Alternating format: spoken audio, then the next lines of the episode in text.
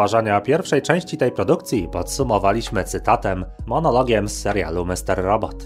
Jak wspominałem już w serii podcastów Filozofia w Mr. Robot, imię głównego bohatera, protagonisty serialu Eliota, pochodzi od hebrajskiego Elaja, lub mówiąc w naszym polskim języku od imienia Eliasz. Istnieje taka postać w Biblii, jest to zresztą jeden z największych proroków Starego Testamentu. Jego historię opisano głównie w tzw. Tak księgach królewskich. Może pamiętacie taki fragment w Biblii, gdy Piotr chciał wybudować dla Chrystusa i jego gości trzy namioty. No to właśnie Eliasz miał zamieszkiwać w jednym z nich. Etymologia tego imienia Eliot, Eliasz, sugeruje człowieka honoru, autentycznego, szlachetnego w swoich intencjach. Taką osobę, która dostrzega fałsz świata wokół niej i samą swoją obecnością filtruje dla innych rzeczywistość z tego zakłamania. Burzy twierdzę zbudowaną w umyśle na kłamstwie, rozpuszcza egocentryczne iluzje. W historii biblijnej Eliasz występuje przeciwko wyjątkowej hipokryzji niedojrzałego w wielu aspektach króla Ahaba oraz jego dość zawistnej, porywczej żony o imieniu Jezebel. Każdy fałsz królewskiego dworu został prześwietlony tym wewnętrznym światłem proroka, który stał się liderem rewolucji, jednostką, za którą podążyli inni, zmieniając swoje życie. Niekoniecznie na lepsze czy przyjemniejsze, ale na pewno na wolne. Prawda czyni wolnym. Taki to jest nieśmiertelny klasyk. I tej samej natury postacią jest także serialowy Elliot. Już w pierwszym odcinku w pilocie całego serialu psycholog Eliota, i to też nie jest przypadkowe imię, Krista, pyta Eliota, What is it about society that disappoints you so much? Co takiego w społeczeństwie tak bardzo cię rozczarowuje? Cały serial i wydarzenia w nim ukazane stanowią w znacznej mierze odpowiedź na to pytanie. I to właśnie w finale pierwszego sezonu w odcinku pod tytułem Zero Day, też nieprzypadkowe, Mr. Robot, czyli ta część osobowości Eliota nastawiona na działanie. Karl Gustav Jung powiedziałby ten wojownik w nim, a sam Mr. Robot określił siebie I'm only supposed to be your prophet. Ja tylko mam być twoim prorokiem. Właśnie ta część osobowości wygłosiła ten monolog, którym zakończyliśmy część pierwszą. Gorzkie to były momentami słowa tego monologu. Rozgoryczone, czuć było ten disappointment, to rozczarowanie. Lecz jednocześnie były to słowa tak trafnie prześwietlające fałsz, oszukiwanie samego siebie. Mnie szczególnie urzeka ten fragment, w którym Mr. Robot mówi: Trzeba głęboko kopać, żeby móc dotrzeć do czegoś realnego. Żyjemy w królestwie gówno prawdy. Zbyt długo w nim siedzisz. I tam jeszcze w oryginale pada słowo kiddo, czyli tak czule, tak osobiście zwraca się do Eliota ta bezkompromisowa i szczera do bólu część jego osobowości. Życzy mu dobrze, chce pokazać mu anatomię fałszu, blichtru, kłamstwa, pewnego zapętlenia, w którym nasz bohater się znajduje. A do takiej czerstwej, przyjacielskiej szczerości warto mieć olbrzymi respekt i po prostu posłuchać. I rzeczywiście na końcu monologu padają słowa istnieje. Siedzimy w tym razem, czy tego chcesz, czy nie. To jest zaproszenie, oczywiście rozgrywające się w głowie Eliota, do przyjrzenia się prawdzie. Tutaj zawsze mi się też przypomina końcowy monolog z polskiego świetnego filmu Dzień Świra. Pamiętacie? Towarzyszu podróży, zbudowałeś byt swój, zasklepiając jak termit wyloty ku światłu. I zwinąłeś się w kłębek, w kokonie nawyków w dławiącym rytuale codziennego życia. I choć przyprawia cię on co dzień o szaleństwo, Mozolnie wzniosłeś szaniec z tego rytuału, przeciw wichrom, przypływom, gwiazdom i uczuciom. Dość trudu cię kosztuje, by co dnia zapomnieć swej kondycji człowieka. Teraz glina, z której zostałeś utworzony, wyschła i stwardniała. Nikt już nie dobudzi w tobie astronoma, muzyka, altruisty, poety, człowieka, którzy zamieszkiwali może ciebie kiedyś. Hmm. Takie to było zakończenie filmu, również produkcji o zapętleniu, zagubieniu się w kokonie nawyków, w mentalnym pudełku. To jak mówił Chrystus, nie przeszywa się łaty ze świeżego sukna do starego płaszcza, nie wlewa się młodego wina do starych bukłaków. Czyli innymi słowy, aby się zmienić, potrzebne jest nowe, świeże spojrzenie, wyjście poza kokon, poza pudełko, wyrwanie się z utartych schematów myślowych. Trzeba odnaleźć w swojej głowie ten głos proroka, ten stan umysłu, w którym nie akceptujemy już fałszu, nie zadowolimy się racjonalizacją, nie znajdziemy dla siebie kolejnej wymówki. Spróbujmy dzisiaj osiągnąć taką czystość percepcji, Odważmy się wyjść poza schemat, rozwalić zasklepiony wylot termitiery. Nie będzie to łatwe. Twój umysł bardzo często podejmie walkę podczas słuchania tego, co dziś powiemy. To od ciebie zależy, na ile rzeczywiście wysłuchasz tego podcastu, a na ile słowa te odbiją się od twoich uszu. Na pewno wygodniej będzie nie słuchać uważnie, albo wysłuchać, lecz stwierdzić, że to przesada. Androny, farmazony, kocopoły, dudy smalone, dyrdy mały. Wybór jak zwykle należy do ciebie. Przygotowałem ten podcast życząc ci dobrze i chcąc pomóc tobie realizować twój potencjał. Ale jeśli nie masz ochoty słuchać albo uważasz, że to jakieś brednie, spoko, nie ma problemu. Pamiętaj, nikt nie zmusza cię do słuchania. A to co robię nie jest zupą pomidorową, aby smakowało wszystkim. Nawet nie mam takich ambicji. Naprawdę w internecie jest masa inspirujących treści. Wybierz to, co pasuje tobie, względem czego odczuwasz wewnętrzny rezonans w sobie. A wracając do zakończenia części pierwszej niniejszego podcastu, zwróćmy też uwagę, bo to ciekawe, w tym fragmencie finału pierwszego sezonu Mr. Robot przed tą przyjacielską uwagą siedzimy w tym razem, najpierw powiedział jeszcze do Eliota istnieje, siedzimy w tym razem. W oryginale I am very real. Oczywiście można to odnieść wprost do faktu, iż Elliot rozmawia tutaj ze swoją rozszczepioną osobowością. W końcu cierpi na DID Dissociative Identity Disorder dysocjacyjne zaburzenie tożsamości. Ale nie tylko dlatego Mr. Robot powiedział I am very real. Istnieje. Te słowa musiały się pojawić, ponieważ często negujemy naturę proroka i wojownika w nas.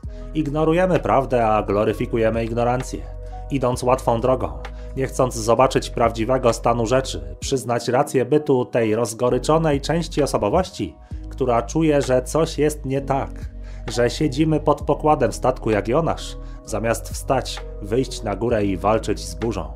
A ponadto spojrzenie na siebie w prawdzie oznacza też często przyjrzenie się tak zwanemu synowi marnotrawnemu, który rozpieprzył już na głupoty połowę albo i więcej naszego majątku, czasu, energii, naszych inicjatyw i pragnień. Lepiej i łatwiej jest nie widzieć tych surowych, obiektywnych, matematycznych danych, własnego ulegania przeróżnym sztuczkom umysłu, tej zahukanej w ego świadomości, że często jednak nie mamy kontroli nad tym dopaminowym uzależnieniem. Sztuka wojny. Najtrudniejszy do pokonania jest ten przeciwnik, którego istnienie sami zanegujemy. Piękna sztuczka. A tymczasem żyjemy przecież wszyscy w tym mocno technokratycznym XXI wieku. Prorok w nas, ten, który wsłuchując się w transcendencję naszego ducha oraz ten, który prześwietla każdy fałsz, mówi do nas istnieje. Siedzimy w tym razem, czy tego chcesz, czy nie. Spróbujmy więc dzisiaj przyjrzeć się konsekwencjom dopaminowego wyścigu, w którym tak czy siak bierzemy udział i nadal będziemy brać udział. To nieuniknione. Lecz na pewno warto parę stosowanych przez nas ciągle mechanizmów uzależnienia prześwietlić, stać się osobą świadomą ich natury oraz ich konsekwencji.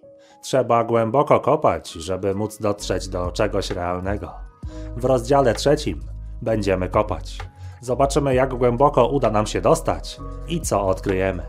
Zapraszam do drugiej części podcastu, do rozdziału trzeciego i czwartego. Natomiast jeszcze zanim to nastąpi, ponownie mam dla Was dobrą informację. Ta opowieść o konsekwencjach przebodźcowania oraz o technikach radzenia sobie z tymi problemami nie będzie przerywana na YouTube co kilka minut reklamami. A to jest ponownie zasługa firmy NordVPN, która zasponsorowała dla nas także i tę drugą część Wojownika Poety. Bardzo za to dziękuję. VPN to usługa tworząca dla nas w internecie bezpieczny, szyfrowany tunel, który chroni naszą tożsamość. Możemy też łatwo, dosłownie kilkoma kliknięciami, zmienić lokalizację, z której rzekomo pod dany adres przychodzimy. VPN zwiększa naszą anonimowość, bezpieczeństwo, ogranicza szpiegowanie nas, no ale też usługa ta dostarczana w dobrej jakości i szybkości działania jest płatna. Sponsor tego podcastu, firma NordVPN, to potentat na tym rynku. Używa go ponad 14 milionów ludzi. To też tysiące serwerów rozsianych po całym świecie. Nasza aktywność sieciowa w ramach tej usługi nie jest w żaden sposób archiwizowana. Możemy korzystać z łatwej w użyciu dostępnej w wielu systemach aplikacji, a na jednym koncie można ustanowić aż do sześciu jednoczesnych, tunelowanych połączeń. Jeżeli ktoś z Was byłby zainteresowany posiadaniem VPN-a, to firma przygotowała specjalnie dla widzów naszego kanału kod promocyjny. Wystarczy udać się pod adres nordvpn.com prawy slash pasja informatyki. Otrzymamy zniżkę na dwuletni plan i dodatkowo dzięki promocji pierwszy miesiąc gratis. Nasz kod promocyjny do koszyka to słowo pasja informatyki pisane razem. Zawsze też sprawdźcie bieżące warunki na stronie, aktualną promocję, w zależności od tego, kiedy słuchacie tego podcastu. Link promocyjny znajdziecie w opisie filmu i zapewne gdzieś w podpiętym na dole komentarzu. Firmie NordVPN dziękujemy za wsparcie także i tej drugiej części, dzięki czemu teraz reszty podcastu wysłuchamy już bez żadnych przerw reklamowych. No to co, jedziemy. Rozdział trzeci. Previously on AMC's The Walking Dead. O tak, w rozdziale o konsekwencjach przebodźcowania tak naprawdę pogadamy właśnie o byciu zombie. Walking Dead to wbrew pozorom całkiem niezła metafora stanu naszego przegrzanego, usmażonego mózgu. Robimy z niego jajecznicę. Wskutek źle użytkowanych sztucznych wystrzałów dopaminowych, oderwanych od jakichkolwiek realnych osiągnięć. To jak w piosence The Cranberries. But you see, it's not me, it's not my family. In your head, zombie. Najwyższa pora świadomie się temu wszystkiemu przyjrzeć, nie bez zażenowania, smutku czy wstydu, cringe'u, jak to powiemy w necie. W poszukiwaniu straconego czasu, niczym w powieści Prusta. O, tak bym to ujął. Zaczniemy od dość ważnej realizacji. Otóż człowiek to tak zwany system otwarty. Pięknie o tym pisał Ilya Prigozhin, laureat Nagrody Nobla w dziedzinie chemii z 1977 roku. Opowiedziałem już o tym nieco w filmie na naszym kanale pod tytułem Jak być skutecznym youtuberem Systemy otwarte talent. Tak się nazywa tamten podcast. Polecam zajrzeć po szerszy ogląd sytuacji, natomiast w dużym skrócie pogadajmy teraz chwilę o termodynamice. No, serio. Tak zwana entropia, takie zdefiniowane pojęcie, entropia, jest to stopień nieuporządkowania układu, czyli miara jego niewystarczającej sprawności. Najprościej mówiąc, jest to oddanie systemowego chaosu. Wzrastanie entropii zawsze będzie w naszym świecie towarzyszyć wymianie energii, przetwarzaniu bodźców przez system, udzielaniu odpowiedzi na stymulacje, gdyż wymiana energii nie odbywa się w realnym świecie z pełną sprawnością. Jest to więc podstawowe prawo natury, iż ilość entropii we wszechświecie nieustannie wzrasta. Czy przeanalizujemy cząsteczki gazu zamknięte w naczyniu, czy wszechświat po wielkim wybuchu, ruchy gwiazd i planet, albo gdy porozmawiamy o wymianie energii chemicznej czy o systemach elektromechanicznych. Obojętnie co wybierzemy do analizy, zgodnie z zasadą entropii, chaos powinien wzrastać. Natomiast my, ludzie, na dostarczane bodźce, na stymulacje, odpowiadamy inaczej niż takie klasyczne tak zwane zamknięte układy termodynamiczne. Jako ludzie zwiększamy stopień uporządkowania naszych systemów, czy społecznych, czy naszego wewnętrznego systemu biologiczno-psychologicznego. I właśnie z punktu widzenia nauki, człowiek jest systemem otwartym, a nie zamkniętym, gdyż potrafimy z natury być neuroplastyczni adaptujemy się do okoliczności dostarczanych z otoczenia bodźców, przez co jesteśmy tak super odporni na wzrost entropii w porównaniu do klasycznych układów zamkniętych. Jeżeli entropia wskutek na przykład przebodźcowania, bo oglądając serial przeżywamy rok czyjegoś życia w kilka godzin, bo reklamy i content serwowany nam przez algorytmy wspierane uczeniem maszynowym ładują nam do głowy tak wiele doznań, emocji, skrajności, nowości, stymulacji, akcji, lęku, poczucia bycia niewystarczająco spełnionym i akceptowanym. Tyle seksu, zdarzeń, wiadomości, zadań, spraw, powiadomień. No, wiemy o co chodzi, przeanalizowaliśmy to w poprzednim odcinku. Gdy wskutek tej regularnej, cyfrowej, psychologicznej stymulacji rośnie entropia, chaos, szum informacyjny, to człowiek jako system otwarty owszem posiada zdolność tzw. Tak dysypacji tego chaosu, rozpuszczania go, poukładania w głowie przetworzenia, ale oczywiście tylko do punktu nasycenia, saturacji, punktu krytycznego, bez wyjścia, kiedy bodźców ze środowiska jest zbyt dużo, aby bieżąca konstrukcja systemu mogła to stale wytrzymywać.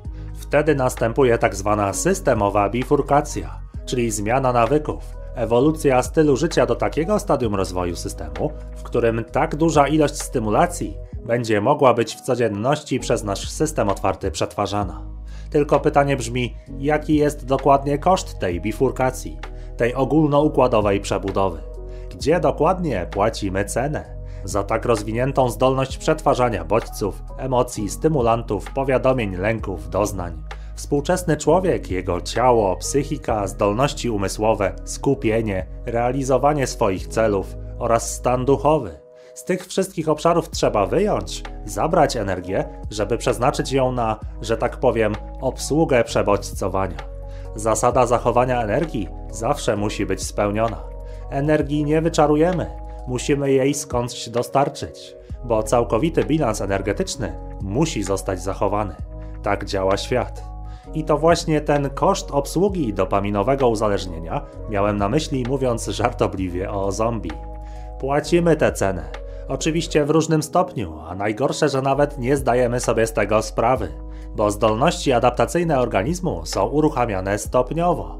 Mamy pewną bezwładność systemową. Zmiany w odpowiedzi na stymulacje, na bodźce są delikatne, tak z dnia na dzień wręcz niezauważalne. Zobacz, kiedy trenujesz fizycznie, na przykład na siłowni, to czym jest trening?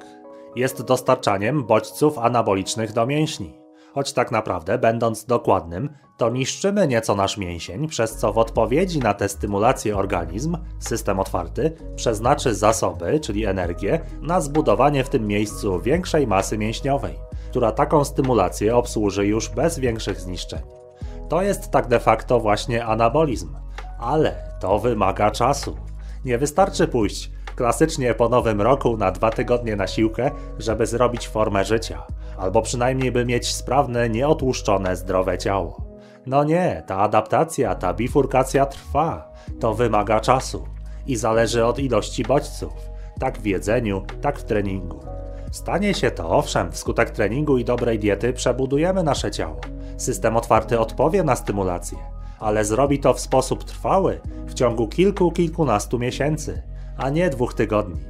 Ciało zmieni się, przebuduje, bo jest plastyczne, ale to się dzieje stopniowo, powoli, systematycznie, małymi krokami. I to dobrze, że mamy taką systemową bezwładność wpisaną, winkorporowaną w nas. Bo tak samo, gdy zaczniemy źle się odżywiać, fast foodowo, zbyt kalorycznie, nie dostarczając organizmowi wartości odżywczych, no to też nie od razu po jednym makrojalku, czy nawet nie po dziesięciu hamburgerach staniemy się ludźmi otyłymi. I tak samo po jednej paczce papierosów najpewniej nie rozwiniemy drobnokomórkowego raka płuc. No nie, to adaptowanie się, czy też czasami ta niezdolność do naprawienia zniszczeń, to nie rozwinie się momentalnie, to postępuje stopniowo. Dlatego łatwo jest skutki tego procesu adaptacji ignorować, dopóki nie jest za późno, dopóki rezultaty nie są już bardzo wyraźne i orientujemy się wreszcie, że nastąpiła bifurkacja, wskutek tego jakich dokładnie bodźców i jak często dostarczaliśmy przez ostatnie miesiące i lata do naszego systemu otwartego.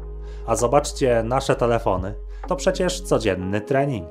Kilkanaście, a w zasadzie more likely kilkadziesiąt razy dziennie mówimy swojemu organizmowi: weź te bodźce, zobacz je, przetwórz, przeanalizuj, oceń, doświadcz tej emocji, zasymiluj to, odpowiedz tutaj, a tu zaplanuj, zareaguj, wymyśl, tu ulegnij podnieceniu, a teraz pora na lęk, a teraz pora na sprawdzenie swojego społecznego statusu, na porównanie z kimś innym, na wymyślenie planu, jak zdobyć akceptację, a zaraz potem pora na akcję, walkę, a tu na coś śmiesznego i głupiego, a teraz wiadomość, decyzja, a co z piętrzącymi się rzeczami do zrobienia na jutro? No i tak właśnie w naszych głowach powstaje czysty chaos. Milion myśli, rozerwanie we wszystkie możliwe strony emocjonalne rollercoastery, natłok spraw do załatwienia, uczucie zabiegania i zapracowania. No mówiąc najprościej, wręcz wykładniczo rosnąca entropia. Współczesny dorosły, pracujący człowiek ma wrażenie, że życie mu zapierdala, że na nic nie ma czasu.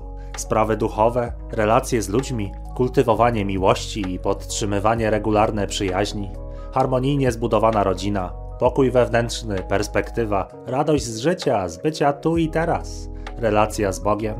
My już często nawet nie pamiętamy w tym biegu, co to w ogóle znaczy w praktyce.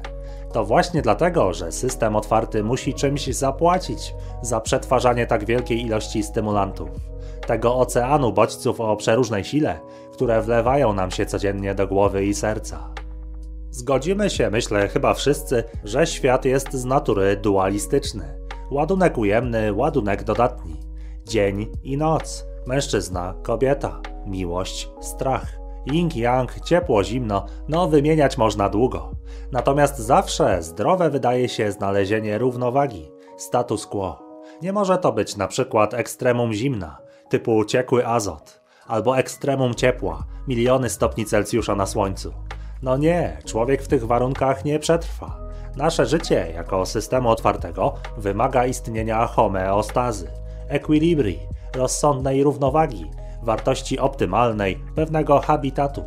A co my robimy z przebodźcowaniem? Czy tak samo dużo czasu, co na Netflixie i z nosem w telefonie modlimy się, medytujemy, odpoczywamy w ciszy, ciesząc się naturą, spacerem, słońcem, rozmową z bliskimi, świeżym powietrzem?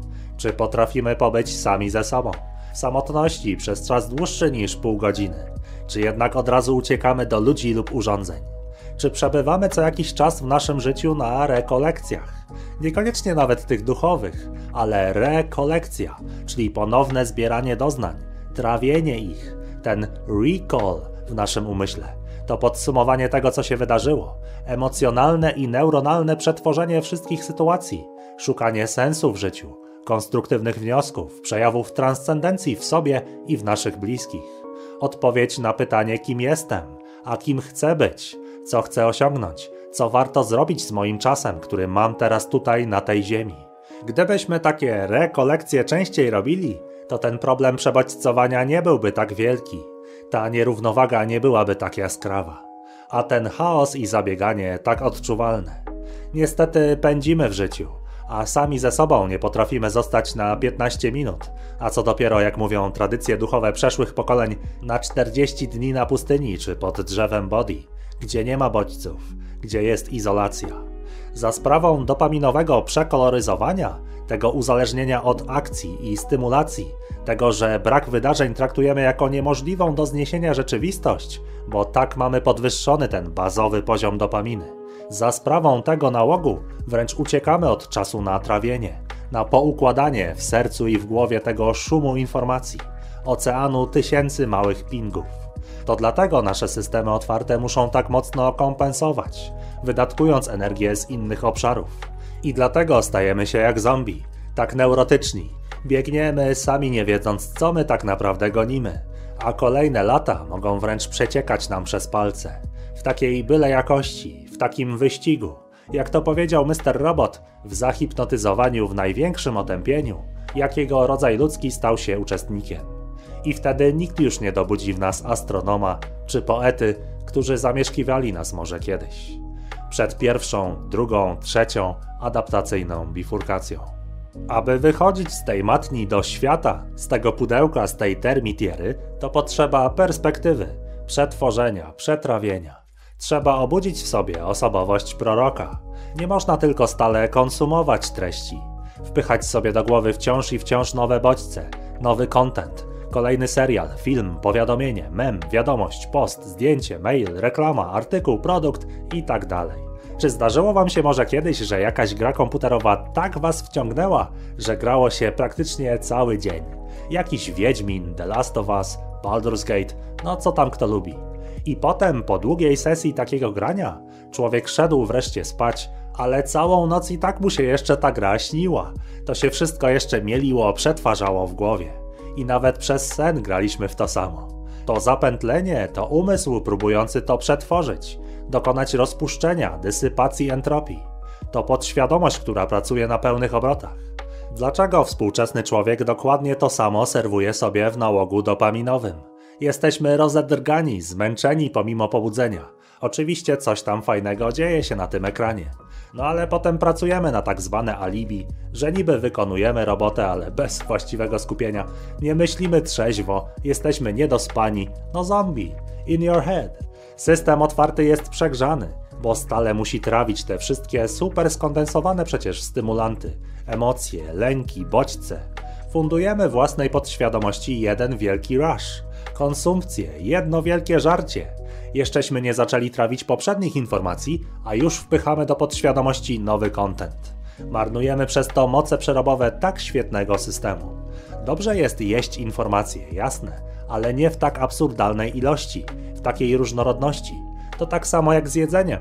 Potrzebny jest też post, czas trawienia, wyciągnięcia substancji odżywczych i składników, inspiracji, pomysłów, wniosków z tej połkniętej informacji. Jeżeli tego etapu brakuje, to nasza podświadomość czuje się jak czasami my w święta. Jest przejedzona treścią, ociężała, małolotna, już nie iskrzy nowymi połączeniami neuronowymi i kreatywnością, bo leży na kanapie i ledwo zipie. To właśnie dlatego współczesny człowiek ma takie nieustanne wrażenie, że wciąż gdzieś biegnę, że gonię jakieś miraże, ale nigdy nie mogę dogonić. Jakoś nie mogę się ze wszystkim też wyrobić. Ja na nic nie mam teraz czasu. A odpoczynek, refleksję, ciszę, modlitwę, medytację, ten review, ten recall swoich poczynań traktujemy wskutek uzależnienia jako jakąś głupotę, stratę czasu, błahostkę, idiotyzm. Gdy się nudzimy, tak się przyzwyczailiśmy, to ma być dla nas dostępna rozrywka.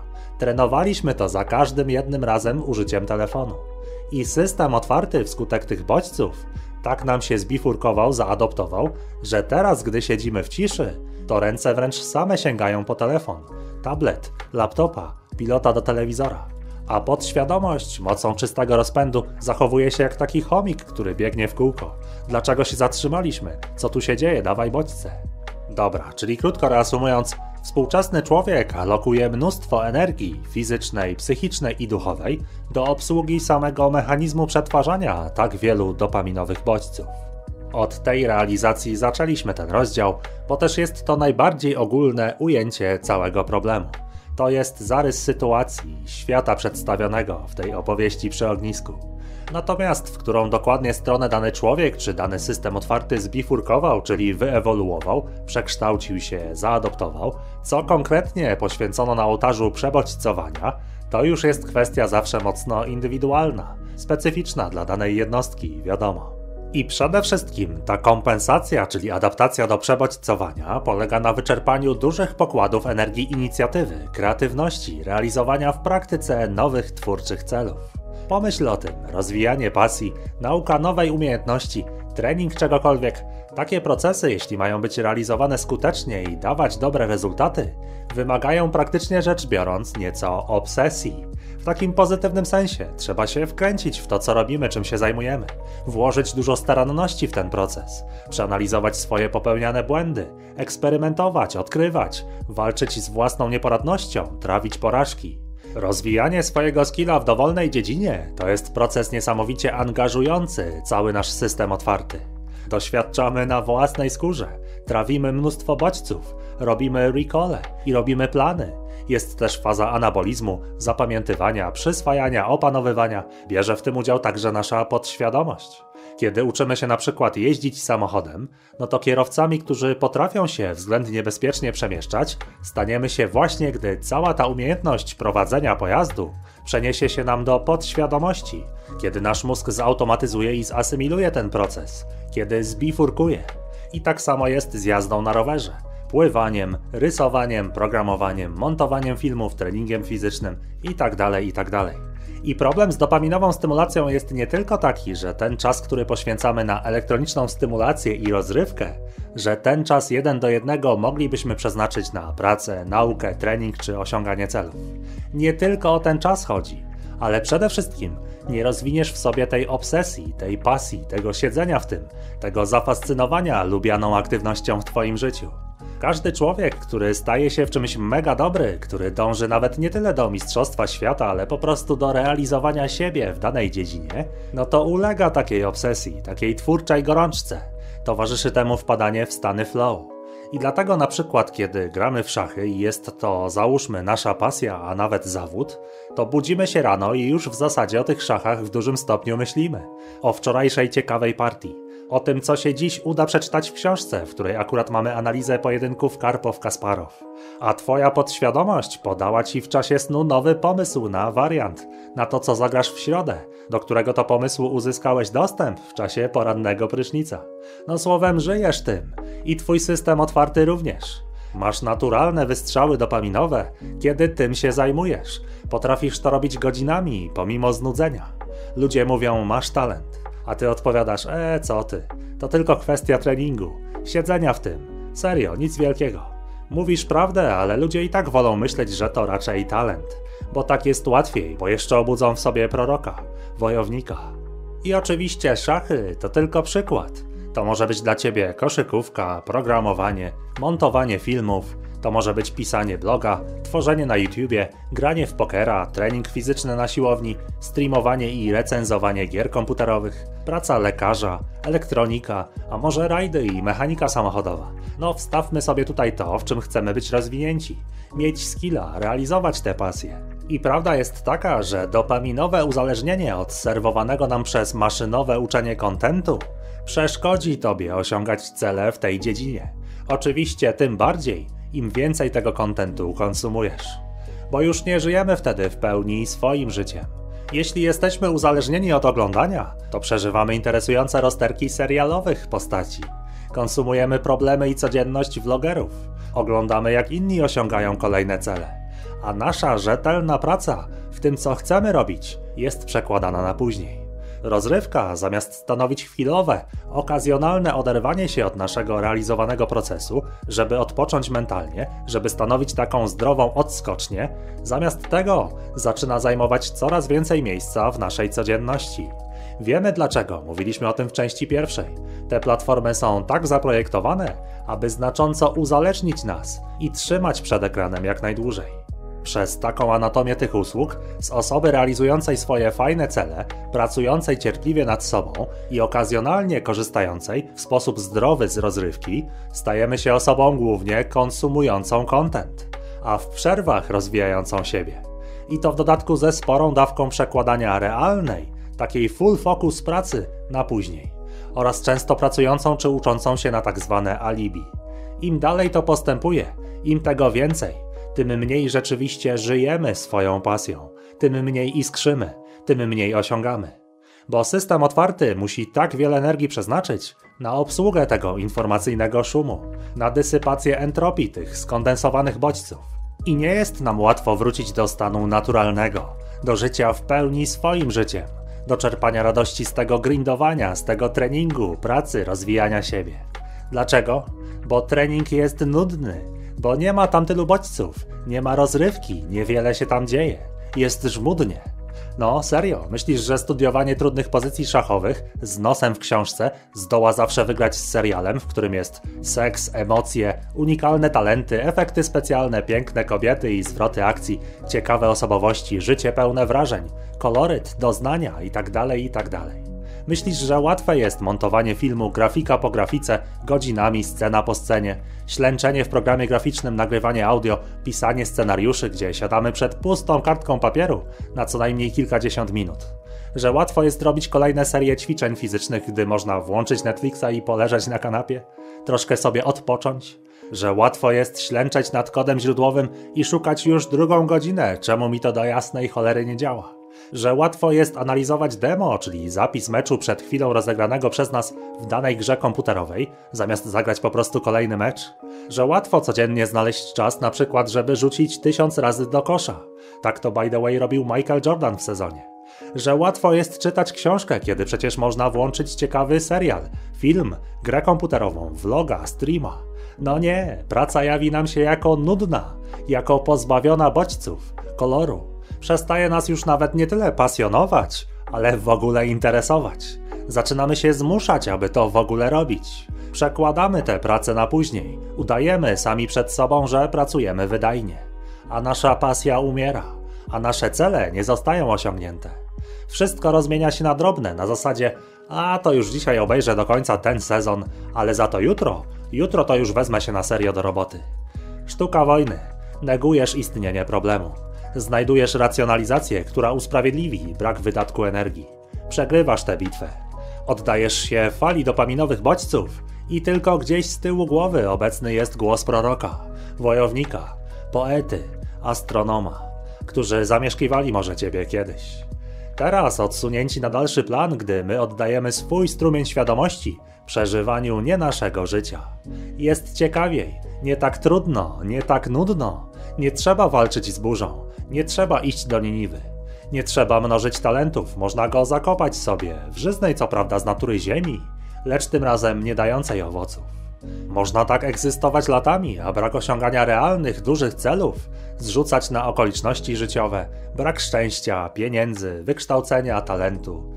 No, coś tam się znajdzie w końcu co jak co, ale w uzależnieniu dopaminowym, jak zresztą w każdym uzależnieniu, człowiek staje się wręcz mistrzem racjonalizacji, bo robi to bardzo często. Żyjemy w królestwie gówno prawdy. Trzeba głęboko kopać, żeby znaleźć coś realnego.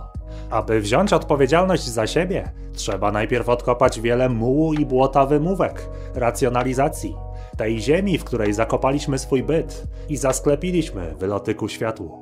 I to nie musi być jakiś nadludzki wysiłek. Jedyne czego trzeba, jedyne co wystarczy, to prawda, bo prawda czyni wolnym. Popatrzmy w prawdzie na to, jak pracujemy. Czy kiedy nasz umysł ulega dystrakcji, kiedy domaga się bodźców, to czy jesteśmy w stanie wygrać tę bitwę i wrócić do pracy, czy jednak zaglądamy na tego YouTube'a, Facebooka, Twitcha, Netflixa i scrollujemy sobie 5-10 minut, czasem dłużej, zanim zdecydujemy się zmusić do powrotu do pracy. Czy pracujemy w pełnym skupieniu, z pasją, w stanie flow, gdy cały nasz system otwarty, świadomość, podświadomość, ciało, umysł, wszystko próbuje rozwiązać dany problem, stworzyć coś nowego. Czy też w ogóle zapomnieliśmy, że można w ogóle intensywnie coś robić?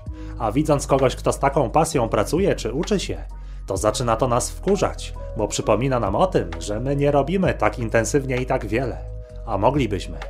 Jak to jest? Jaka jest prawdziwa jakość i staranność tego, jak pracowaliśmy na przykład w ciągu ostatniego miesiąca? Spójrzmy na to w prawdzie.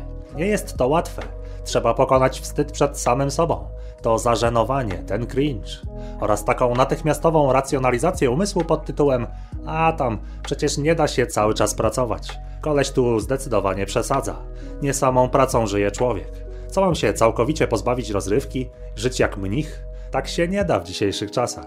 Momentalnie to się pojawia, prawda? Umysł się broni, nie chce wydać energii, nie chce nas zmusić do kolejnego wydatku. No ale też co to za argument? Nikt tu przecież nie mówi o przesadzeniu w drugą stronę, o ciągłej pracy, jakimś super reżimie. Nie, mówimy tylko o właściwej równowadze pomiędzy pracą a rozrywką. Że rozrywka ma być okazjonalną i zdrową przerwą, oderwaniem się od realizowania naszych życiowych pasji, a nie, że nasze życie zawodowo, relacyjno-duchowe ma być przerwą od konsumowania rozrywki, kupowania gadżetów, przeżywania życia w cudzym strumieniu świadomości. Dobrą proporcję podano w Biblii. 6 dni pracy i siódmy dzień odpoczynku. Dobra proporcja to więc 6 do 1. Ujmę to bardzo prosto. Czerstwo. Stańmy tu w prawdzie. Jeżeli nie potrafimy czuć się komfortowo, robiąc rzeczy nudne, ale potrzebne w zrealizowaniu naszych celów, naszego zawodu, uczenia się skilla, to nie osiągniemy sukcesów w danej dziedzinie, nie pomnożymy naszych talentów. Jeżeli nie pasjonujemy się niczym i musimy zmuszać się do pracy i czekamy, kiedy tylko będzie można wreszcie wrócić do rozrywki, no to jesteśmy zombie i mamy w tym obszarze pracę do wykonania. To nie powinno być tak, że w naszym życiu zawodowym nie potrafimy się skupić w pełni na godzinę, dwie czy trzy godziny, kiedy trzeba. Skupienie to nowe IQ na rynku pracy. Tak wielu ludzi ma z tym obecnie problem. Samą dedykacją, sfokusowaniem możesz wykonać niesamowitą robotę, a to prędzej czy później przełoży się na konkretne, zauważalne rezultaty w naszej dziedzinie. Trzeba nam przywrócić tę naturalną radość i satysfakcję z realizowania w praktyce przez długie godziny swoich pasji. Radości z budowania pięknych relacji z ludźmi, przez dziesiątki rozmów i wspólnych chwil. Radości budowania relacji z Bogiem, za sprawą czasu na trawienie, refleksję, medytację, modlitwę, samotność, na ciszę w nas, transcendencję bo alternatywą jest bycie człowiekiem rozedrganym, niewyspanym, nie realizującym siebie tak jak potrafi, wyizolowanym w takiej social mediowej bańce. Niczym zombie biegniemy, gonimy, gnijemy. Tak wiele swojej energii wskutek nałogu dopaminowego oddając na konsumpcję. Kolejna sprawa, jak to u nas jest ze snem? Czy sypialnia jest całkowicie wolna od ekranów? Czy też może wręcz zasypiamy z telefonem, z tabletem albo przed telewizorem? Czy oglądając głupoty pozbawiamy siebie średnio na przykład godziny snu każdego dnia? Ładujemy niebieskie światło w oczy, wypełniamy resztki podświadomości kolejną porcją do przetrawienia tuż przed snem. Najgorsze jest to, że nawet nie zdajemy sobie sprawy, jak ważną rolę spełnia dla organizmu sen. Jeżeli po tym podcaście zechcesz coś u siebie w kontekście dopaminowym, w życiu zawodowym czy osobistym zmienić, to niech to będzie Twoja pierwsza decyzja. Telefon nie ma wstępu do Twojego łóżka. Ani tuż przed snem, ani tym bardziej zaraz po przebudzeniu. Nie przestawiaj swojej głowy tuż przed zaśnięciem, ani od razu po obudzeniu w tryb reaktywny, w tryb konsumpcji. W ten sposób nie wrócisz do tworzenia, pracy, aktywności, ani tym bardziej do zdrowia, bycia wyspanym, pełnym energii, z chęcią do zrobienia czegoś fajnego. I to w swoim życiu, tu i teraz. Czy na pewno jeszcze pamiętamy, jakie to uczucie? Przypomnijmy, zmiany zachodzą w nas stopniowo. Wskutek bodźców nasze ciało powoli się adoptuje. Nie zauważamy tego, dopóki nie jest za późno, dopóki zmiany nie są ewidentne. Jeżeli zasypiasz z telefonem, uwierz mi, różnica pomiędzy bazowym poziomem energii i inicjatywy, takiej chęci bycia tu i teraz w zdrowiu, pomiędzy człowiekiem wyspanym, który wyrzucił miesiąc temu telefon z sypialni, a dopaminowym zombie, to różnica kolosalna, fundamentalna, niezwykle jaskrawa. Nie wierzysz? Spróbuj, odczujesz tę różnicę na sobie. Sen to najlepsze lekarstwo. Nie doceniamy tego wszyscy i bagatelizujemy, jak istotną rolę on spełnia. Serio, pogadaj z lekarzem. A jeżeli nie masz aktualnie takiej możliwości, to zajrzyj sobie do książki pod tytułem Why We Sleep? Dlaczego śpimy? Autorem jest neurobiolog Matthew Paul Walker. Serwowanie sobie bodźców dopaminowych tuż przed snem albo zaraz po przebudzeniu jest po prostu głupie, durne Zamieniamy swój mózg w jajecznicę. Walking Dead. A tak wiele osób wskutek uzależnienia od telefonu dokładnie tak postępuje. Nie funduj sobie takiego przebodźcowania i reaktywności. Masz talenty do zrealizowania.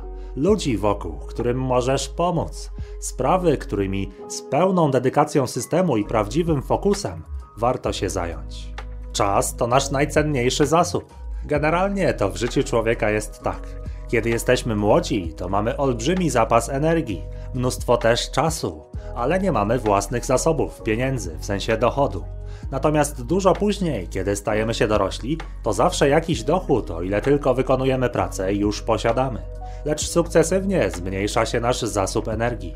Nie jesteśmy już tak neuroplastyczni. Nie regenerujemy się tak szybko. Procesy fizjologiczne zwalniają. No i przede wszystkim, dalej na ścieżce mamy mało wolnego czasu bo istnieje masa dorosłych zobowiązań. Dbanie o rodzinę, firmę, bliskich, wszystkie te sprawy wokół, które dzięki nam są poogarniane. I dlatego tak ważne jest, aby nie marnować przez lata większości swojego wolnego czasu tylko na seriale, streamowany content, gry komputerowe, social media, scrollowanie, wiadomo o co chodzi. Życie nie swoim życiem, mówiąc najprościej przynajmniej część wolnego czasu i własnej energii, jako osoba czynna, zdrowa, wciąż aktywna, zainwestuj. Zrób tę nudną, ale dającą później na drodze rezultaty robotę.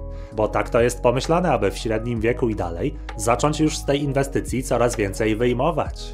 Sukcesywnie z każdym rokiem budujmy swoją karierę zawodową oraz wiadomo, relacje, duchowość, tak zwane własne dziedzictwo, no tak, aby też móc się tym nacieszyć w życiu. Przejść przez ten czas podróży, co prawda tą wąską, trudną ścieżką, ale za to tą drogą, na której zrobiliśmy dużo dobrego. Przeszliśmy dobrze czyniąc, będąc potrzebnym temu światu człowiekiem, mnożąc talenty, realizując siebie, budując relacje rodzinne, miłość oraz ucząc się wartości transcendentnych.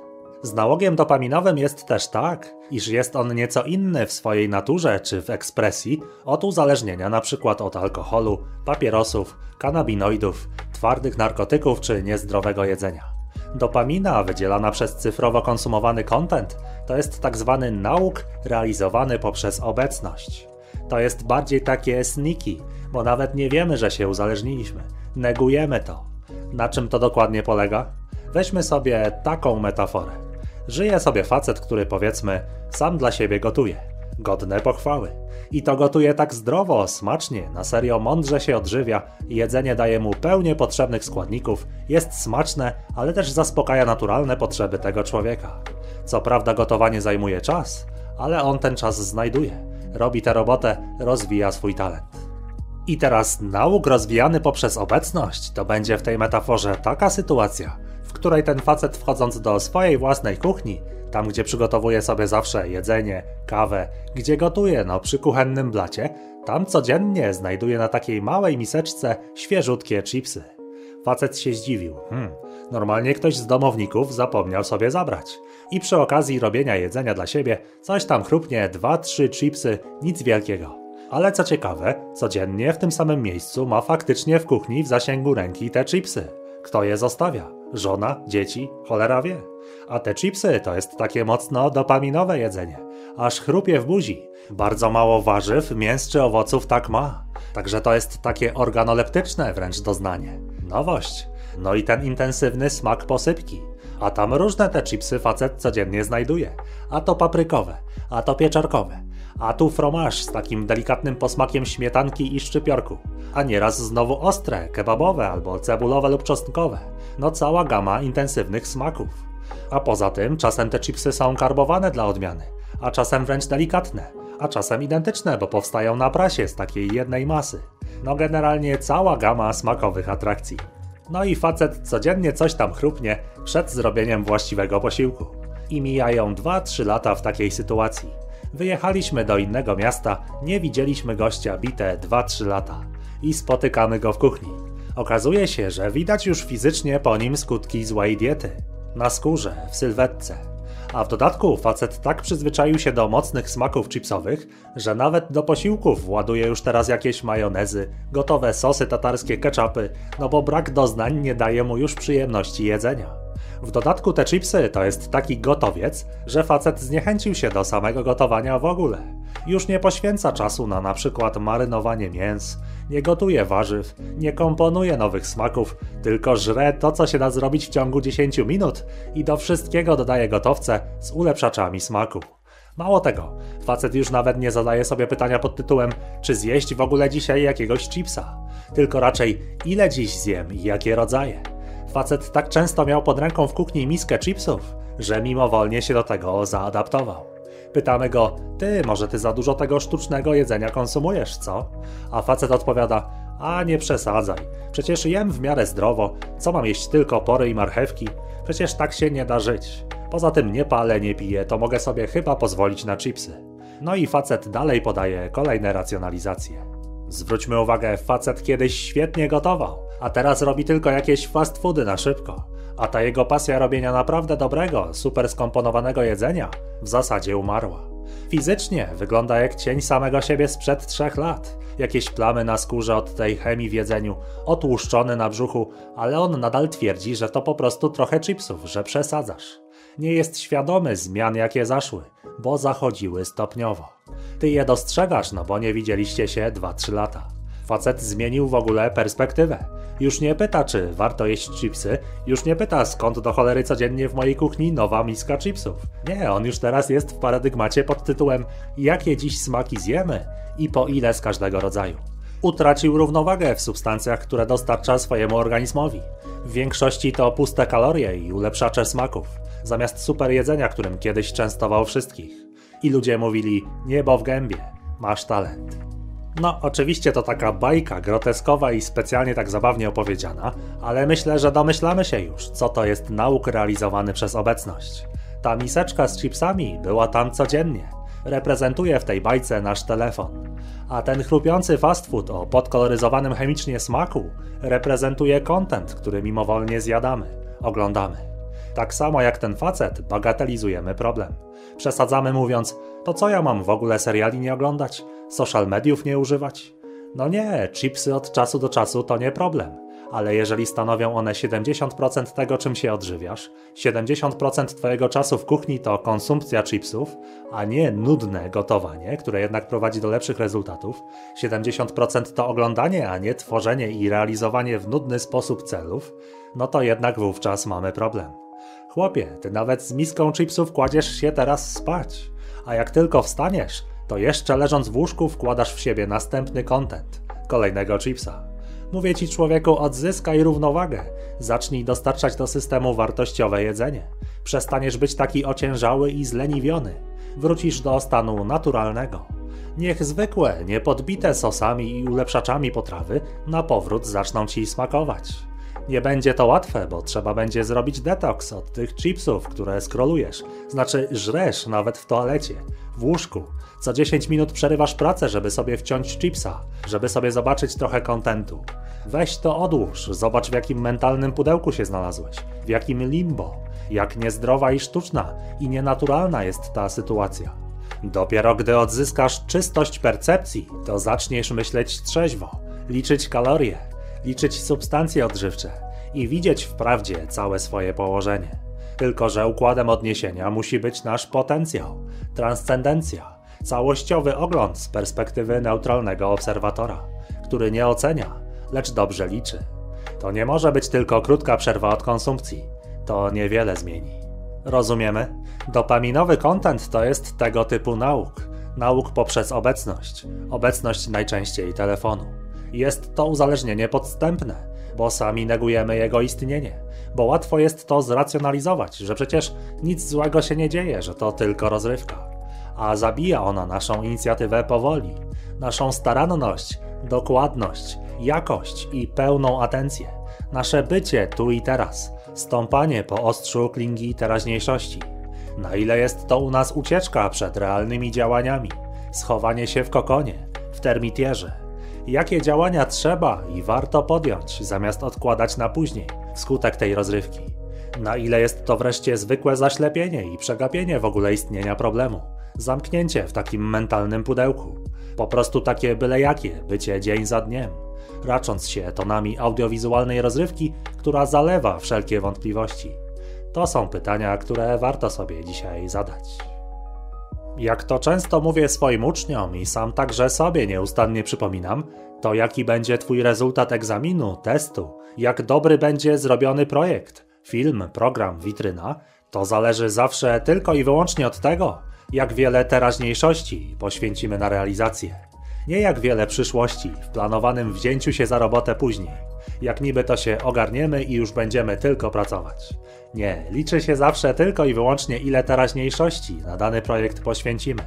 Im szybciej człowiek sobie z tego zda sprawę, tym prędzej ma szansę zostać profesjonalistą w swojej dziedzinie. Czyli takim człowiekiem, który pracuje niezależnie od motywacji, chcenia, racjonalizacji, wymówek. Po prostu siada przed pustą kartką i podejmuje bardzo odważną, bo trudną do zrealizowania tu i teraz i nudną w gruncie rzeczy decyzję. Będę tu siedzieć dokładnie tyle czasu i robimy robotę. Siedzimy w tym razem, czy ci się to podoba, czy nie. Tak profesjonalista mówi sam do siebie w swojej głowie. Prorok, wojownik mówi do protagonisty. Jeśli tak postępuje, wtedy zwycięża. Nie neguje wewnętrznej walki, nie udaje, staje w prawdzie i łapie za miecz. A czy to w praktyce będzie komputerowa klawiatura, instrument muzyczny, sztanga czy jakiś kettlebell, albo piłka, książka czy jakieś narzędzia albo strój sportowy. No to już zależy tylko od tego, jaki talent chcemy w tym nudnym, nużącym, ale jednak przez nas wybranym zajęciu szlifować, realizować, trenować. Tu i teraz, nie jutro.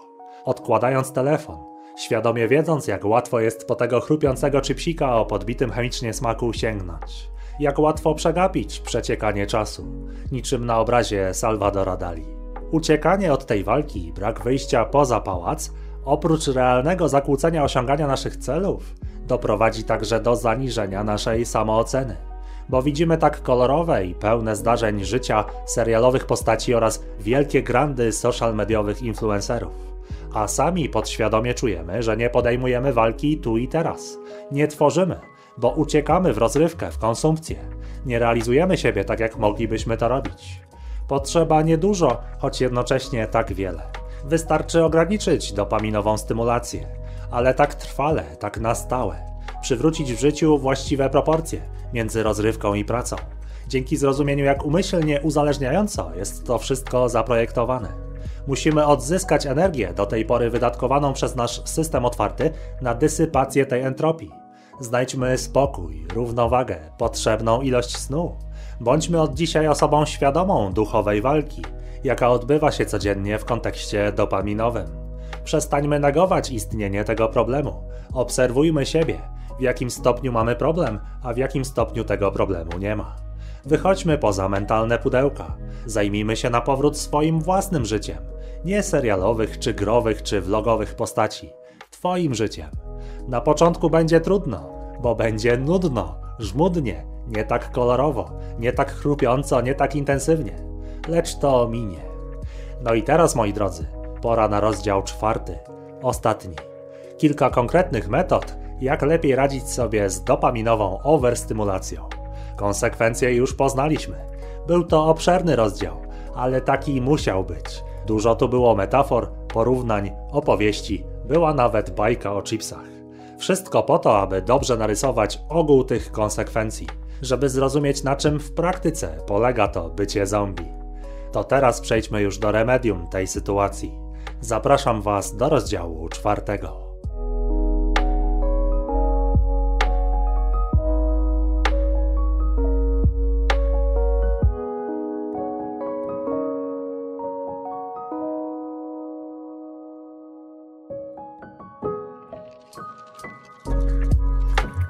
Rozdział czwarty. Remedium. Moi drodzy, dokonaliśmy w tych trzech dużych rozdziałach naprawdę sporej analizy stanu przebodźcowania, jaki towarzyszy nam, ludziom we współczesnym świecie. Przeszliśmy od solidnego wyjaśnienia przyczyn tego zjawiska po szczegółowy opis jego konsekwencji. I oczywiście, tak etiologia, jak i ekspresja tego dopaminowego problemu bywa przeróżna i zależy od człowieka.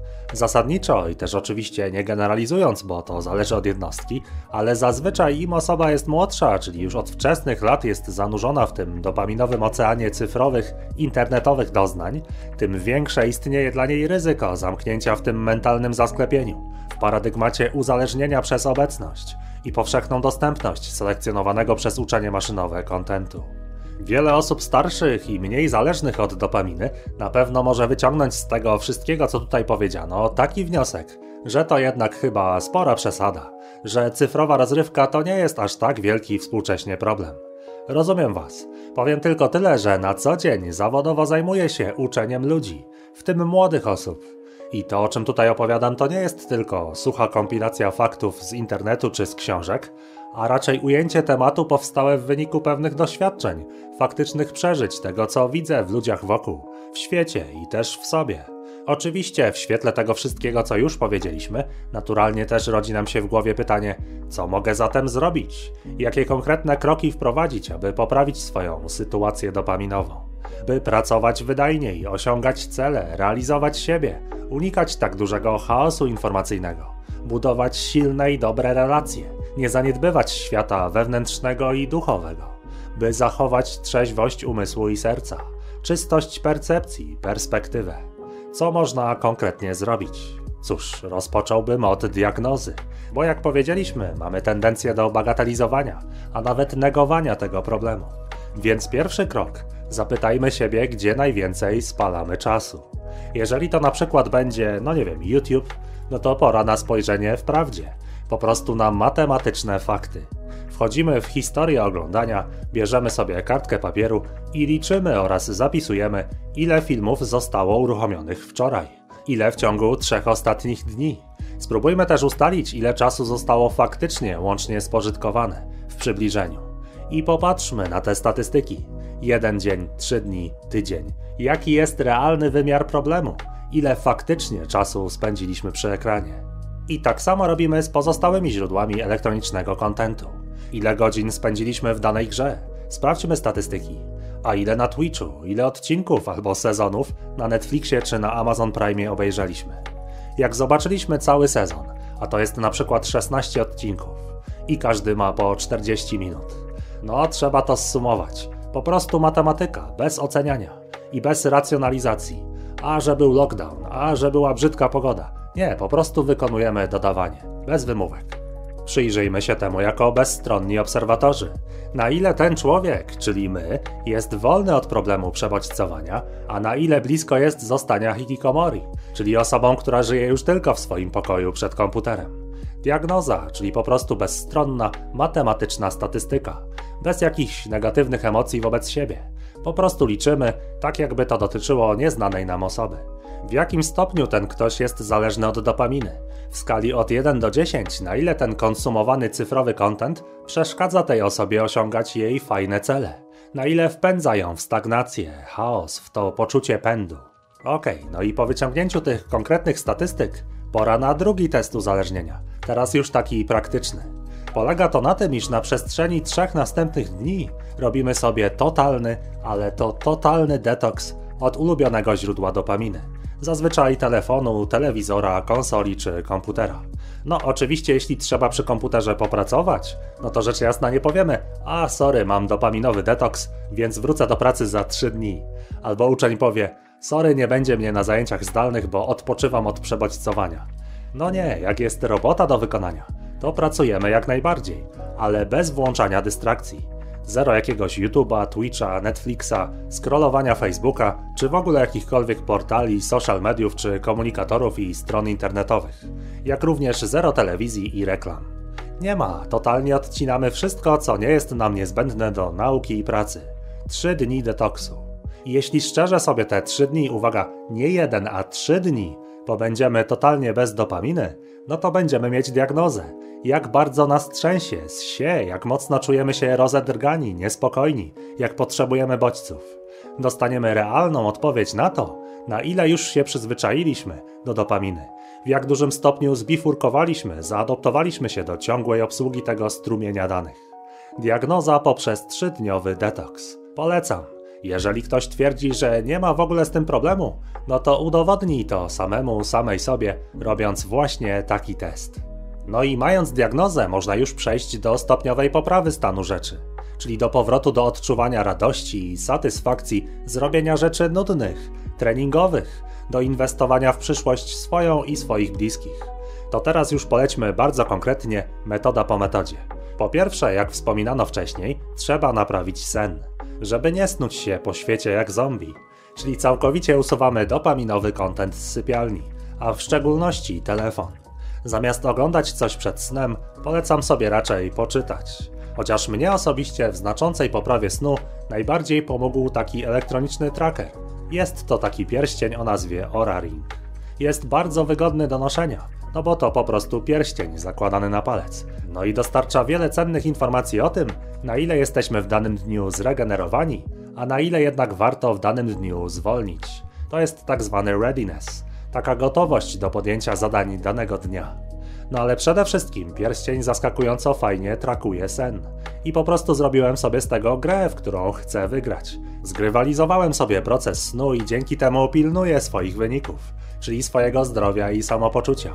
Pomaga mi to spać lepiej, dłużej oraz w regularnych porach. Oczywiście nie zawsze mi się to udaje, ale biorąc wartość średnią, pomogło. Poza tym widzę na własnej skórze i w tych statystykach, jak na przykład kofeina albo jedzenie tuż przed snem, spóźniony trening czy praca do późna albo jakaś ilość alkoholu, jak to ujemnie wpływa na wyniki snu. No słowem, pomogło mi to spać lepiej, jeść lepiej, sprawdzić działanie różnych też zdrowych suplementów, czy mnie osobiście pomagają, czy nie. No dla mnie działa to motywująco, że mam tego skora do zdobycia, że mogę wygrać w tę grę, przez co naprawdę poprawiłem swoje zdrowie i samopoczucie tak na co dzień. No i przede wszystkim sen. Oczywiście wspominam o tym tylko dlatego, że rzeczywiście uważam to za cenny produkt w moim przypadku. Nie jest to też absolutnie materiał sponsorowany.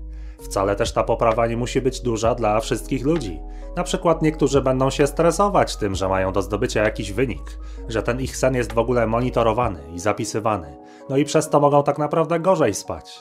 Jest to też urządzenie dość drogie. To taka inwestycja, co prawda, w zdrowie, ale jednak mimo wszystko, zwłaszcza gdy się jest młodszym, może to uderzyć po kieszeni. I zresztą pamiętajmy, kupujemy często gadżety za sprawą tej reklamowej obietnicy, że jak sobie to kupię, no to już wtedy poukładam swój sen. Kondycję, trening, odżywianie. No tak szczerze, to wcale tak być nie musi. Wszystko zależy od tego, w jaki sposób ty te urządzenie wykorzystasz, jak je będziesz użytkować. Sam zakup nie rozwiąże problemu snu. Zresztą, jeśli mamy problem z telefonem w sypialni, to czy na pewno kupno kolejnego urządzenia łączącego się z apką w telefonie to na pewno dobry pomysł? Więc moi drodzy, wspominam o Ora Ringu, bo moim zdaniem to jest naprawdę super produkt, zwłaszcza dla mnie, gdzie ja długie godziny potrafię spędzać przy komputerze i ten nadzór snu i ta grywalizacja, no mnie to osobiście pomogło zachować lepszą dyscyplinę snu, więcej zdrowia i energii. Ale tak szczerze, aby usunąć telefon z sypialni, no to wystarczy usunąć telefon z sypialni, tylko tyle. I od razu będzie lepiej ze snem. Można też zresztą zakupić na przykład Mi Benda, Fitbita, Whoopa albo innego trackera zakładanego na nadgarstek. Nie są aż tak wygodne, ani tym bardziej dokładne w mierzeniu snu, no bo na nadgarstku ten pomiar jest trudniejszy aniżeli na palcu. Sygnał jest słabszy. Ale ogólny zarys ilości snu, nawet te sportowe trackery są nam w stanie bez problemu podać. Nie ufałbym już tylko tym statystykom snu głębokiego, lekkiego itd., tak ale ogólny czas regeneracji nam ten tracker bez problemu poda. Co jeszcze ważne w sypialni, to aby to miejsce było dobrze przewietrzone i aby temperatura była wystarczająco niska. Wtedy śpimy bardzo dobrze i dobrze się regenerujemy. Okej, okay, tyle na temat snu, natomiast wracając do przebodźcowania. Najważniejsza jest w odzyskiwaniu równowagi nasza głowa. To najważniejsza technika. Trzeba obserwować siebie i wyłapywać sztuczki umysłu. Pod tytułem A wezmę się za to od jutra, a dzisiaj to już sobie dokończę gierkę, serial, obejrzę streama. I tak naprawdę tracimy teraźniejszość, odkładając pracę na później. Trzeba wykryć w sobie tak zwanego leniwego prokrastynatora, czyli takie podejście, które polega na niemyśleniu o terminach, kultywowanie takiego mindsetu pod tytułem a jakoś to będzie, miej wyje, a będzie ci dane no nie, trzeba zderzać takie podejście z rzeczywistością. Czyli na przykład zostało mi 10 dni na ukończenie tego projektu informatycznego. Za 10 dni mam deadline. Oddaję projekt. Znam też swój proces twórczy. Wiem ile czasu może mi zająć frontend, a ile mechanika. I teraz kluczowa sprawa. Nie robię tego, co robię na alibi. Nie pozwalam sobie na bycie byle jakim. Na udawanie, że coś robię. Więc przychodząc z perspektywy profesjonalisty, człowieka, który chce realizować siebie zawodowo jak najpełniej w swoim życiu, osiągać fajne cele, stawać się lepszym w tym, co robi, no to warto zachować się jednak bezkompromisowo. Zderzyć tego leniwca w nas z konkretnymi terminami.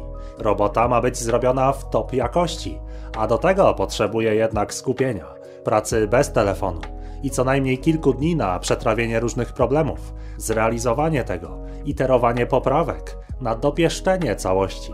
Trzeba uruchomić wojownika w sobie, bo to jest wojna z własnym lenistwem. Umysł zawsze będzie chciał oszczędzać energię, bo chce nas chronić. Mówiłem o tym w odcinku piątym tej serii. A my musimy tę bezwładność pokonać. I tak naprawdę dopamina oddziaływuje tak skutecznie na nas ludzi, gdyż cyfrowy content dostarcza naszym umysłom gotowych wymówek. Na zasadzie kup ten produkt, to rozwiążesz problem.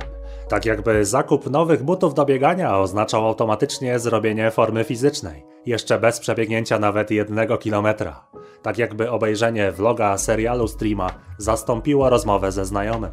Gdzie możemy wypaść głupio, musimy się też jakoś ogarnąć i w miarę reprezentatywnie wyglądać.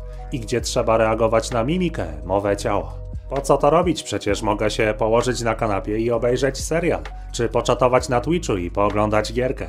Tak samo pornografia przesycona bodźcami seksualnymi może zastąpić cały trud budowania damsko-męskiej relacji. Po co się męczyć? Siądziem, klikniem i dziewczyna sama zdejmuje stanik i wiadomo. Co ja się będę martwić projektem, który mam oddać za 10 dni, jak jest sobota rano. Do niedzieli sobie odpocznę, a od poniedziałku wezmę się do roboty. Przecież będę mieć jeszcze 8 dni. Poza tym już wezmę się za to na serio i pociśniemy z tematem. Tak łatwo jest to powiedzieć, prawda? Pójść łatwą drogą, wybrać substytut. Walka z nałogiem dopaminowym wymaga tak naprawdę mówienia sobie prawdy. Całej prawdy i tylko prawdy. Czyli siedząc w sobotę rano przed tym serialem, mówisz sobie jednak prawdę. Jak ten prorok, jak ten wojownik, opisujesz realnie swoje położenie. Siedzę teraz przed telewizorem. Oglądam życie serialowej postaci. I to trwa już 40 minut. Co jakiś czas robisz sobie w głowie taki raport. Zderzasz leniwego prokrastynatora z rzeczywistością. Nie zadziała to cudownie od razu, ale jest to bardzo skuteczne na dłuższą metę.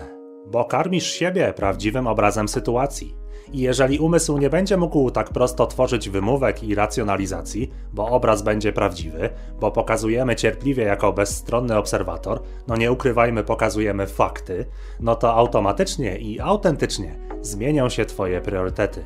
Bo widzimy, jak jest naprawdę, bo dopaminowy content pozwalał nam zapominać na długie godziny o naszym własnym życiu, o naszych leżących odłogiem celach, o tym, co i jak chcemy w tym życiu osiągnąć. Zderzaj ten przesmażony umysł z faktami. Wymieniaj także w głowie swoje cele. co jest do zrealizowania w najbliższych trzech miesiącach. Przypominaj sobie także, dlaczego robisz to, co robisz i dla kogo. Typu, chcę zarobić pieniądze z tego zlecenia, żeby móc zrobić remont kuchni. Chcę trenować, żeby mieć dobre samopoczucie na co dzień, a na wakacjach móc pokazać się na plaży.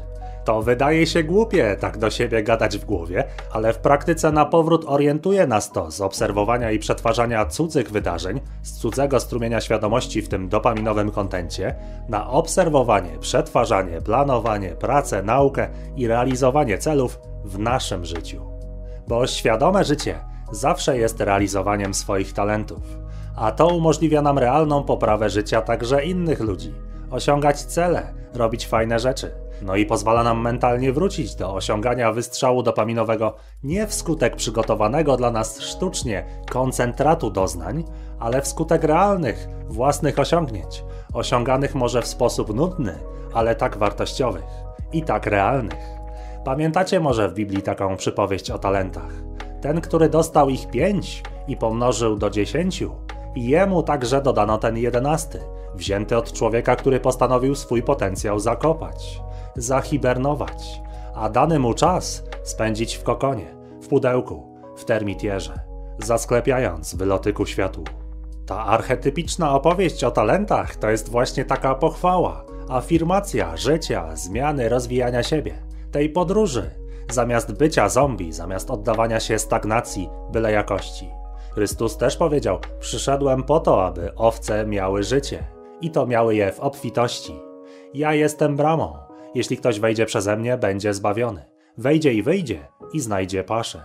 Czyli tak metaforycznie, ciesz się podróżą, rozwijaj się, osiągaj swoje cele. Miej te rezultaty w obfitości. Czasem, ba, często będzie to trudne, czasem będzie nawet krzyżem. Ale przesłanie tekstu jest jasne. Trzeba wchodzić przez tą ciasną bramę. Nie pozwalać sobie na wieczne lenistwo. Wziąć odpowiedzialność za siebie.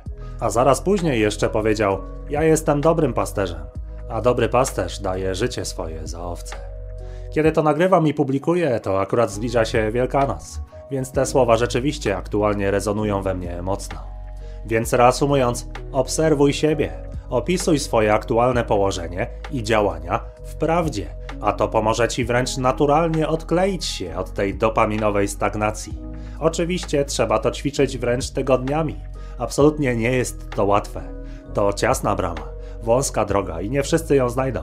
Ja, mając trzydzieści kilka lat, może postawiłem na tej drodze ledwie kilka kroków. Jest jak jest, ale i tu pozwólcie, ostatnie będzie dziś nawiązanie do Biblii. Otóż nigdy nie jest za późno na zmianę. Dopóki tutaj jesteśmy, dopóki oddychamy, wciąż możemy się zmieniać. Czemu o tym mówię? Bo tutaj pora na kolejną prostą sztuczkę umysłu. Skoro tylko po jakimś czasie fajnego zdyscyplinowania, unikania przewalania większości czasu na dopaminowe głupoty, kiedy z jakiegoś powodu ulegniemy znowu na jakiś czas dopaminowemu raszowi, nie robimy nic, nie wiem, zawalamy terminy, opuszczamy poniedziałkowy trening, byczymy się, jesteśmy zmęczeni, rozdrażnieni, źle się odżywiamy, no jest chlew, totalne rozprężenie, lipa to kiedy chcemy wrócić na dobry tor, to umysł właśnie wtedy często dodatkowo stosuje taką sztuczkę. Mówiąc w skrócie, przecież próbowałeś. Trzy tygodnie niby ci się udawało, ale skoro i tak upadliśmy, to już walić to. I przepierdzielamy kolejne dwa tygodnie w poczuciu, a tam fuck it. I oddajemy całą swoją energię na jakieś dopaminowe rozrywki i na lenistwo. I wbrew pozorom to właśnie ten moment, pozwolenie sobie na porażkę, coś co nazywamy pokorą, zamiast ambicjonalnego popłynięcia dalej. To jest istota walki z każdym uzależnieniem, w tym także z dopaminową stymulacją. Przegapiłeś trening w poniedziałek?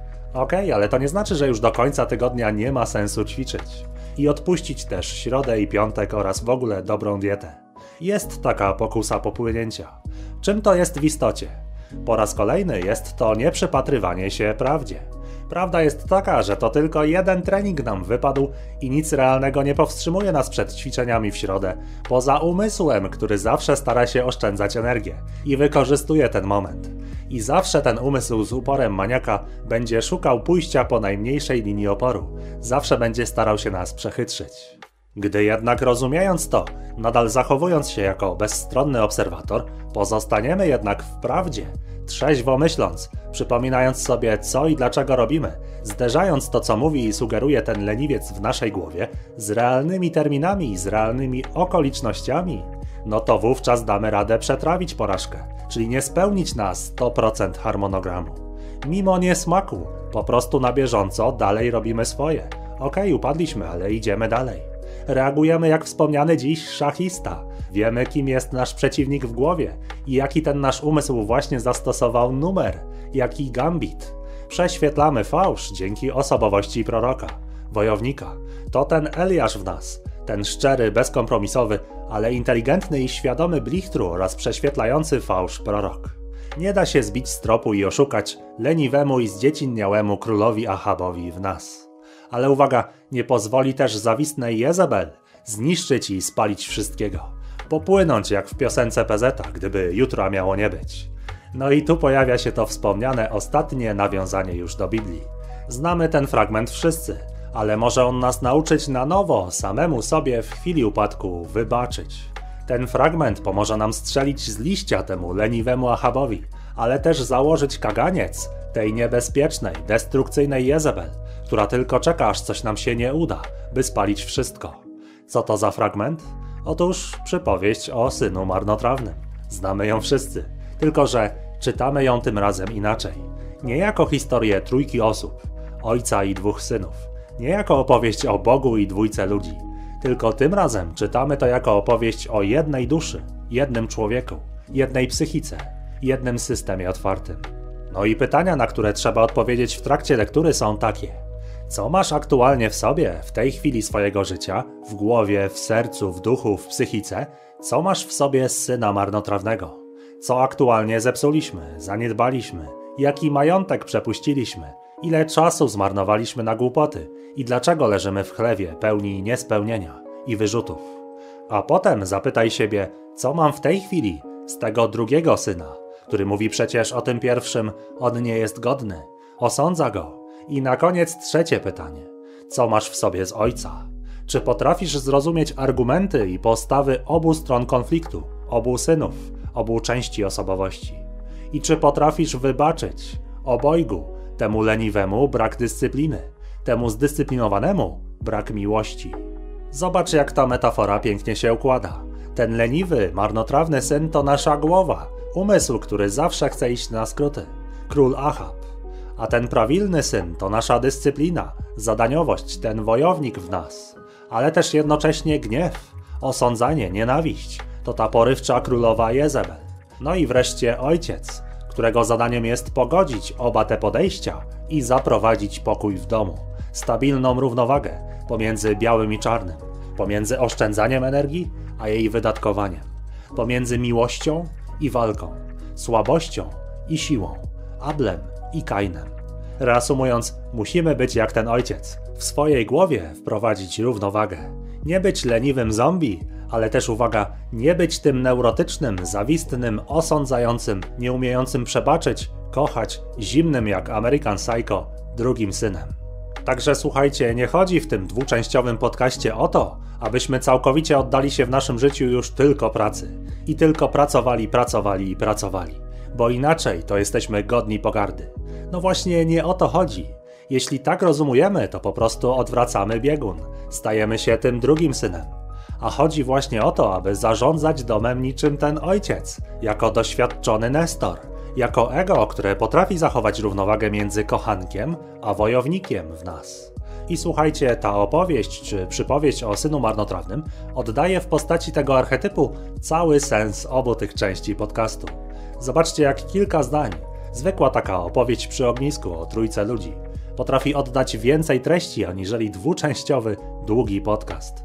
Tak to jest, gdy Bóg pisze. Ma skubany skilla. Ale nawet jeśli nie jesteś osobą wierzącą, to tak czysto intelektualnie na pewno dostrzegasz mądrość tego archetypu, tej dychotomii, tego przedstawionego dualizmu. I oczywiście samo intelektualne zrozumienie nie wystarcza. Trzeba to wprowadzić w swoim życiu, wprowadzić to w swojej głowie i to tak na co dzień. To wymaga bardzo dużo praktyki, medytacji, treningu, no tych rekolekcji. nawet jeżeli tylko na poziomie intelektualnym, niekoniecznie duchowym. Trzeba prześwietlać fałsz w nas, zderzać to, co produkuje umysł, z rzeczywistymi faktami i matematycznymi statystykami. A celem nie jest przebiegunowanie, tylko równowaga. Kiedy pracujemy, to w pełnym skupieniu, efektywnie, w sposób sfokusowany, w stanie flow. Ale kiedy dajemy sobie odpocząć, to pozwalamy sobie na rozrywkę jako nagrodę, no i całkowicie rozrywkę bez poczucia winy. Przestajemy biec, bo lepiej, w sposób realny, rzeczywisty i mądry planujemy naszą pracę i rozrywkę. Nie zamieniamy się w zombie, ale nie zamieniamy się też w American Psycho. Jesteśmy jak ojciec, mądrze zarządzamy. Nie bez trudności, nie bez strat w majątku, nie bez cierpienia, nie bez skrajnych emocji u obu synów, ale wprowadzamy w naszym domu pokój. Ta walka jest duchowa, rozgrywa się w nas. Prowadzimy przecież tak różne życia, zajmujemy się przeróżnymi sprawami. Tu nie chodzi więc o konkretną poradę typu podskocz 10 razy albo wypij rano wodę z cytryną. No nie, ta walka o równowagę rozgrywa się cały czas, na bieżąco, tu i teraz w naszej głowie i w sercu. Ten ojciec musi też być sprytny, tego się trzeba nauczyć. Załóżmy, że siadamy przed pustą kartką, w sensie przed pustym dokumentem w chmurze i chcemy stworzyć scenariusz filmu, na przykład takiego tutaj podcastu.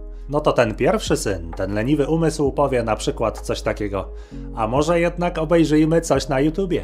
W końcu tu się nic nie dzieje, a nie ma po co siedzieć przed czystą kartką, tak? I tracić czas. A w ogóle to puścimy coś na YouTubie właśnie o dopaminie. Co, zły pomysł? Przynajmniej się zainspirujemy. No i to jest typowy leniwy prokrastynator.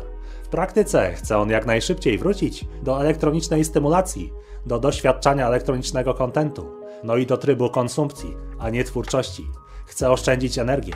Sprytnie zasugerował, że przecież no będzie to pomocne, bo włączymy sobie coś o dopaminie. Ta, tylko że 20 minut później to ja już będę oglądał film z sekcji polecane, który nie ma z tym tematem nic wspólnego, tylko będzie to, nie wiem, trailer zbliżającej się gierki. A z kolei ta osądzająca energia we mnie mówi: No tak, najlepiej to poudawać, że się coś robi, tylko że od oglądania YouTube'a to jeszcze żaden scenariusz sam się nie napisał. Skończy się tak, że zmarnujemy godzinę, z czego 40 minut na jakieś pierdoły. A kartka jak była pusta, tak pozostanie pusta. No i tu musi wkroczyć ojciec w cudzysłowie. I mówi tak: Okej, okay, nie ma bodźców, nie ma konsumpcji, bo tak ma być. Teraz nie chcemy konsumować treści, tylko chcemy tworzyć. Mamy już nawet plan w głowie i od spisania tych bullet pointów możemy zacząć. Tu i teraz pracujemy przy komputerze. Nie ma stymulacji, nie ma dopaminki, nie ma bodźców. Mówię nawet do umysłu, jedyne co dla ciebie teraz istnieje stymulującego, to myślenie, jak ułożyć ten plan. Przestaw się w tryb w cudzysłowie nudnej pracy, a nie ciekawej, pasywnej, stymulującej nas rozrywki. Ale powiem też tak, możemy coś posłuchać z YouTube'a czy Spotify'a, ale na słuchawkach, jak będziemy sprzątać, gotować czy trenować. No i za całą tą pracę wykonaną w tym tygodniu, jako nagrodę, w weekend obejrzymy sobie nowy film Nolana. Także jedziemy. Punkt pierwszy i piszemy na klawiaturze. Wyjaśnienie, co to jest dopamina. Enter. Punkt drugi. I lecimy z pracą. Wiecie o co chodzi? Kompromis, ale też bycie tu i teraz. Poświęcenie na realizację tego projektu teraźniejszości. Nie odkładanie tego na później. Konkretna decyzja, co teraz robię, w jakim trybie jest mój umysł i nie pozwolenie sobie na udawanie, że się pracuje, czy na pracę na alibi. Nic wielkiego, prawda? Po prostu krótki, ale odpowiedni dialog w głowie i trzeźwa, prawdziwa ocena sytuacji. Spojrzenie w prawdzie, prześwietlenie fałszu. Trzeba kopać, aby dotrzeć do czegoś realnego. Ok? Tak warto pracować, zadaniowo. No, taka to była historia, trywialny przykład, ale właśnie w takich bólach rodził się ten podcast. Taka historia z życia cementa. Ale faktycznie, taki rodzaj wewnętrznej walki pomaga osiągać cele, no bo jednak słuchasz tego podcastu. Jest konkretny rezultat pracy, owoc. I nie jest łatwo. Każdego dnia trzeba walczyć z tym na nowo. Po raz kolejny pojawić się na arenie, napisać kod źródłowy, zrobić scenariusz, przygotować się do fajnej lekcji, zmontować film, naprawić to, co tu nie działa, pojechać na zakupy, przeczytać zaplanowaną na dzisiaj część książki, siąść do nauki nowej technologii, poświęcić czas na budowanie relacji z bliskimi, pogadać z Bogiem, przetrawić ostatnie wydarzenia, zrobić trening, ale też rozerwać się, odpocząć. Wszystko w równowadze. Taki jest cel i takie jest remedium. Tyle ode mnie w tym dwuczęściowym podcaście. Mam nadzieję, że co nieco pomogłem, bo dopamina wielu z nas obecnie off-balansuje, wytrąca ze zdrowej proporcji między pracą a rozrywką. Odrywa naszą satysfakcję od realnie osiąganych celów. Obrzydza nam wykonywanie czynności nudnych, ale jednak przyczyniających się do zakończenia projektu, stawania się lepszym w tym, co się robi, produkujące owoce. Na koniec jeszcze podziękowanie dla firmy NordVPN za zasponsorowanie tej drugiej części rozważań o dopaminie, dzięki czemu ten podcast nie musiał być przerywany reklamami. nordvpn.com prawy slash pasja informatyki. Taki jest link do możliwości uzyskania dwuletniego planu ze zniżką oraz pierwszym miesiącem gratis. Dziękujemy w tym miejscu także patronom naszego kanału za wsparcie mojej i Damiana pracy. Bądźcie zdrowi, dbajcie o równowagę, trenujcie mądrość i trzeźwość w ocenie waszej bieżącej sytuacji. Czy to jest coś bardzo trudnego? Nie, wymaga tylko treningu, wykształcenia takiego nawyku samoobserwacji, świadomego podejścia do realizowanego przez siebie procesu. Każdy z nas jest do tego zdolny, bo każdy człowiek to przecież niesamowicie zaprojektowany system otwarty, zdolny do adaptacji i ciągłego rozwoju. Życzę Wam wszystkiego dobrego. Ktokolwiek dotrwał do tego momentu i wysłuchał obu części, podziwiam i dzięki. Pozdrawiam serdecznie.